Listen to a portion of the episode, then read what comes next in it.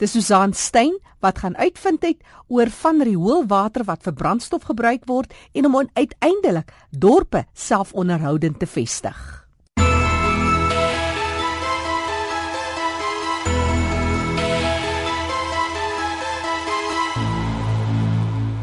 Verskeie mense maak dit hulle lewenstaak om volhoubare projekte op die been te kry wat groot waterbesparings tot gevolg kan hê, alternatiewe energiebronne kan skep en uiteindelik byna 'n soort volledige ekostelsel sal skep wat heeltemal onafhanklik en volhoubaar kan funksioneer. Nou een van hierdie mense is Rolof van der Merwe van Eco Internasionaal.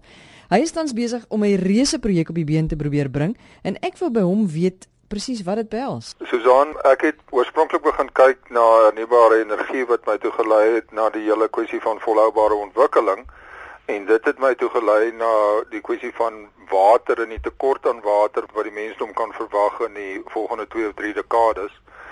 Ek het ook gekyk na hernubare energieprojekte waar ander ontwikkelaars byvoorbeeld een tegnologie gebruik soos wind of solar en ek het toe my voorgenem om te sien of ek nie alles kan integreer nie. So het ek toe daarop uitgekom om te soek na 'n stuk grond waar daar voldoende water beskikbaar is. En op die stuk grond wat ons beoog, is daar 5 bronne van water. Die eerste is munisipale water, dan is daar twee waterstrome wat daardeur loop, dan het ons leiwater en die vyfde en die mees belangrikste een is dat daar 'n 35 miljoen liter 'n dag rioolservitie deur die grond loop. So wat is julle plan met hierdie rioolwater? Die idee is om die riool te vat en dit te uh, bioverteer met anaerobiese bakterieë wat dan metaangas vrystel. Jy brand dit en dit wek stoom op wat nou elektrisiteit opwek en dan sekwestreer jy die koolstofdioksied wat die resultaat is van die brandproses deur dit vir alge te voer.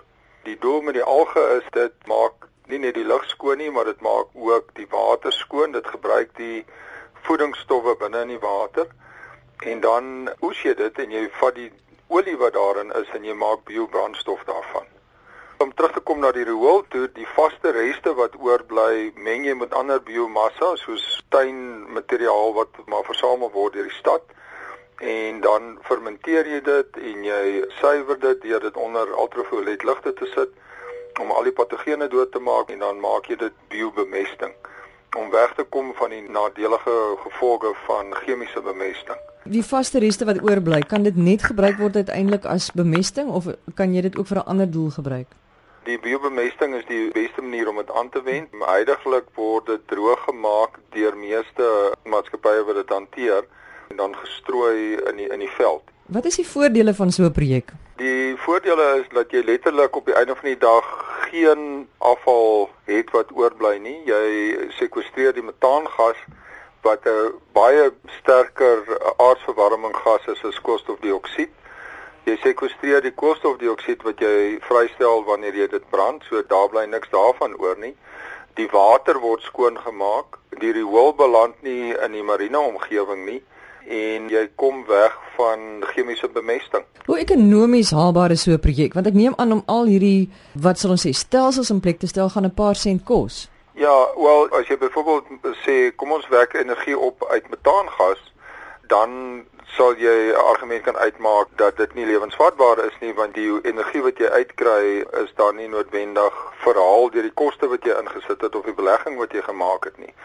Maar dan wanneer jy dit bysit dat jy die marina omgewing nie meer besoedel nie dat jy 35 miljoen liter water beskikbaar het vir heraanwending en hergebruik en dat jy die voedingsstowwe het waarmee jy die alge wil voer wat dan weer vir jou die biobrandstof gee en jy vat al die produkte gesamentlik ek noem dit 'n volle geïntegreerde volhoubare ontwikkeling. So jy het 'n geïntegreerde gebruik van al hierdie produkte dan raak dit ekonomies baie baie lewensvatbaar. Ek hoor al hoe meer en meer van die groei van alge en hoe voordelig dit is. Kan jy miskien net dit verduidelik? Jy weet waar gaan jy die alge vandaan kry? Hoe plant 'n mens dit of hoe laat jy dit groei en hoe verwerk jy dit uiteindelik?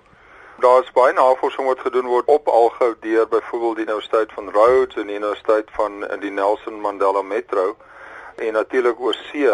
Ek het 'n maatskappy oorsee besoek wat reeds verby net die eksperimentasiestadium is en wat reeds besig is om op 'n kommersiële skaal biobrandstof van alge te vervaardig.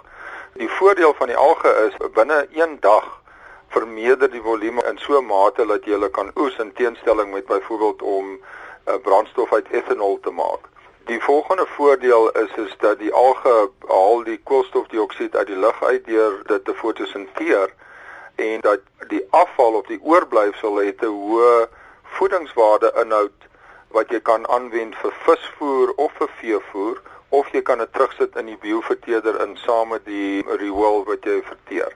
Hoe groei jy so al? Waar doen jy dit? Wat gee jy vir hom om te eet? In die eerste plek, hoe groei jy dit? Jy kry twee metodes om dit te doen. Hulle praat van in Engels van 'n open raceway. Dit is so sulke kanale wat so in en uit vleg sulke haarnal draaie maak.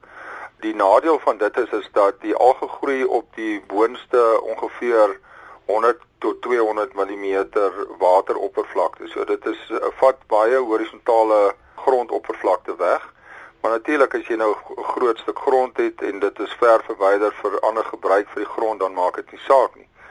Die ander manier om dit te doen, hulle noem dit bioreaktors. Dit is 'n tipe van 'n plastiekbuis of 'n langwerpige plastiek sak wat jy swaaf ophang en dit gee 'n vertikale toegang vir lig wat die alge natuurlik nodig het want dit er werk nie soos enige ander plant om die sonlig te fotosintees, jy weet nou saam met die koolstofdioksied.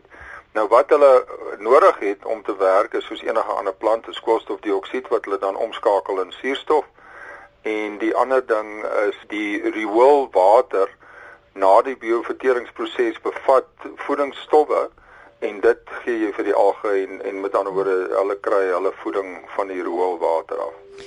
Wanneer die alge nou geoes word en dit moet nou verwerk word, hoe word dit gedoen? Of hoe gereeld kan jy dit oes? Jy kan omtrent daagliks die alge oes omdat hulle so vinnig groei.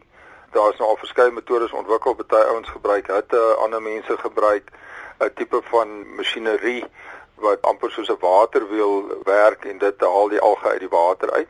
En dan word dit onder druk geplaas om die olie te skei van die res van die alg en dan die olie wat jy dan daar uitkry uh, sit jy in 'n gewone raffinaderry soos wat hulle met riolie werk om dit om te swaai in biobrandstof. En daai biobrandstof, waar kan dit gebruik word? So goed soos enige diesel, jy gebruik dit vir soos diesel dit gebruik. Jy kan dit dan ook verder prosesseer en byvoorbeeld vliegtuigbrandstof daarvan maak. Dan beplan jy ook 'n bamboesplantasie. Ja, om dan die storie verder te vat of om die projek verder te vat, die water wat van die alge afkom sit ons deur 'n bamboesplantasie dit doen drie goed. Nommer 1, dit help weer eens om die lug te suiwer, om koolstofdioksied te sekwestreer en dit om te skakel in suurstof. Dit help om die water verder skoon te maak en dit gee vir jou 'n riemateriaal wat hout vervang en daarvan kan jy enige houtprodukte maak.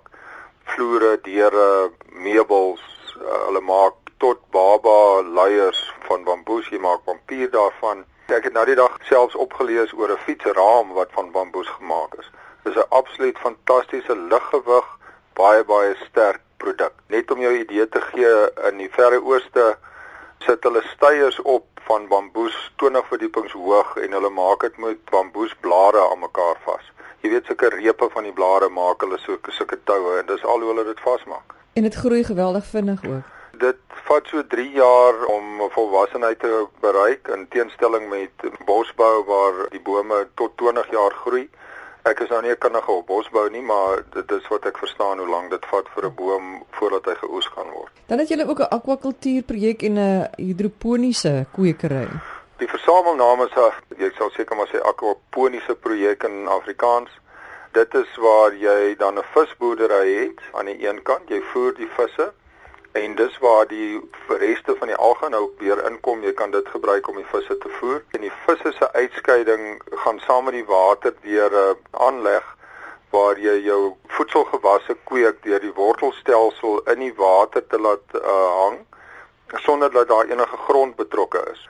Hulle praat van intensiewe stedelike landbou waar jy dit dan vertikaal ook doen. Jy kan rye en rye bo-op mekaar stapel op dieselfde vierkante meter kan jy tot sê nou maar 10 vierkante meter se gewasse kweek wat jy andersins net op 1 vierkante meter op die grond sou gekweek het. En dit is enige voedselgewasse. Dit werk maar soos enige kweekhuis En die voordeel is net jy gebruik baie minder grond, jy gebruik nie bemesting nie en die voeding kom dan nou soos wat jy die visse voer, kom dit na die plante toe. En die koste daaraan verbonde? Daar's nou baie studies gedoen van die universiteite wat ek mee werk, het byvoorbeeld 'n lewensvatbaarheidstudie gedoen op die visprojekte. Dit lyk baie lewensvatbaar. Ons het 'n kliënt wat baie belangstel om tot 350 ton forel per jaar van ons te vat en meer indien ons dit kan verskaf. En die voedselgewasse is maar net soos wat jy in 'n kweekhuis of in tonnels wat hulle kweek. Hulle of dit klink of jy totaal en al volhoubaar gaan wees op hierdie stuk grond. En dan het jy nog planne met bye ook. Die doelwit om 'n byeboerdery aan die gang te kry. Bye is 'n baie belangrike onderdeel in die ekologie. En die baie populasie het weens die spuit van gifstowwe en die verandering van habitat van verskeie plante en gewasse en enkel gewas woestyne wat hulle is 'n term wat hulle gebruik het dit veroorsaak dat baie populasie met tot 50% afgeneem het wêreldwyd en om dit net aan te wakker sal ons dan ook met 'n baie boerdery begin Sampioene is 'n ander produk. Lof jy het ook gepraat van 'n maatskaplike volhoubare projek wat jy beplan. Ja, Susan, hoe dit werk is elke volhoubare ontwikkeling het basies drie pilare waarop dit staan. Die eerste is natuurlik die omgewingspilaar, die tweede een is die maatskaplike pilaar en die derde een is dan die ekonomiese pilaar. Toevallig op hierdie stuk grond uh, val ongeveer 70 hektaar van die 310 hektaar binne die stedelike grense of die urban edge is die Engelse term wat hulle gebruik en uh, daarvan is so 30 hektaar ontwikkelbaar omdat die balans binne 'n vloedlyn is. Maar op die stuk grond beplan ons om skole te bou van voorskool tot hoërskool. Maar die probleem met skole is hulle 187 dae van die jaar sit die kinders op die skoolbanke.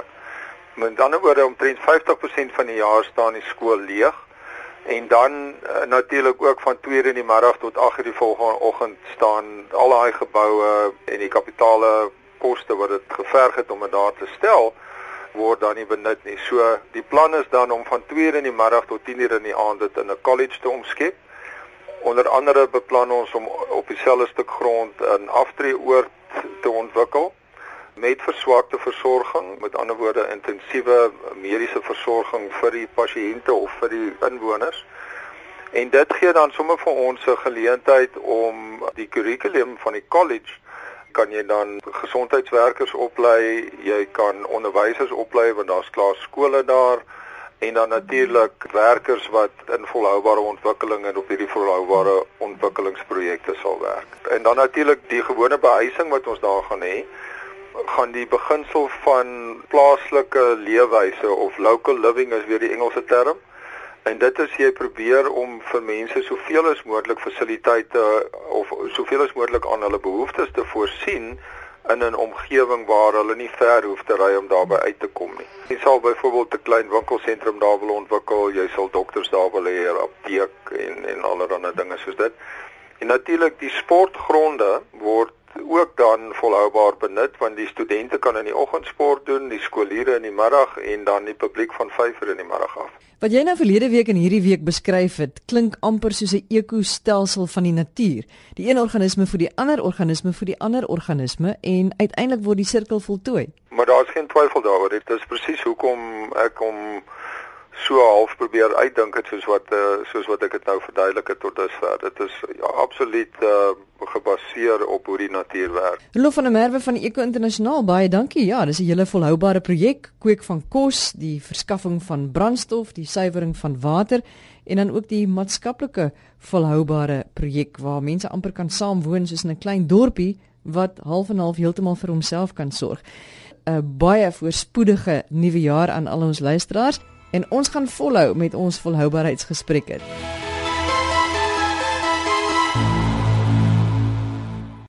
En die bydraes versorg deur kollega Susan Stein in Kaapstad.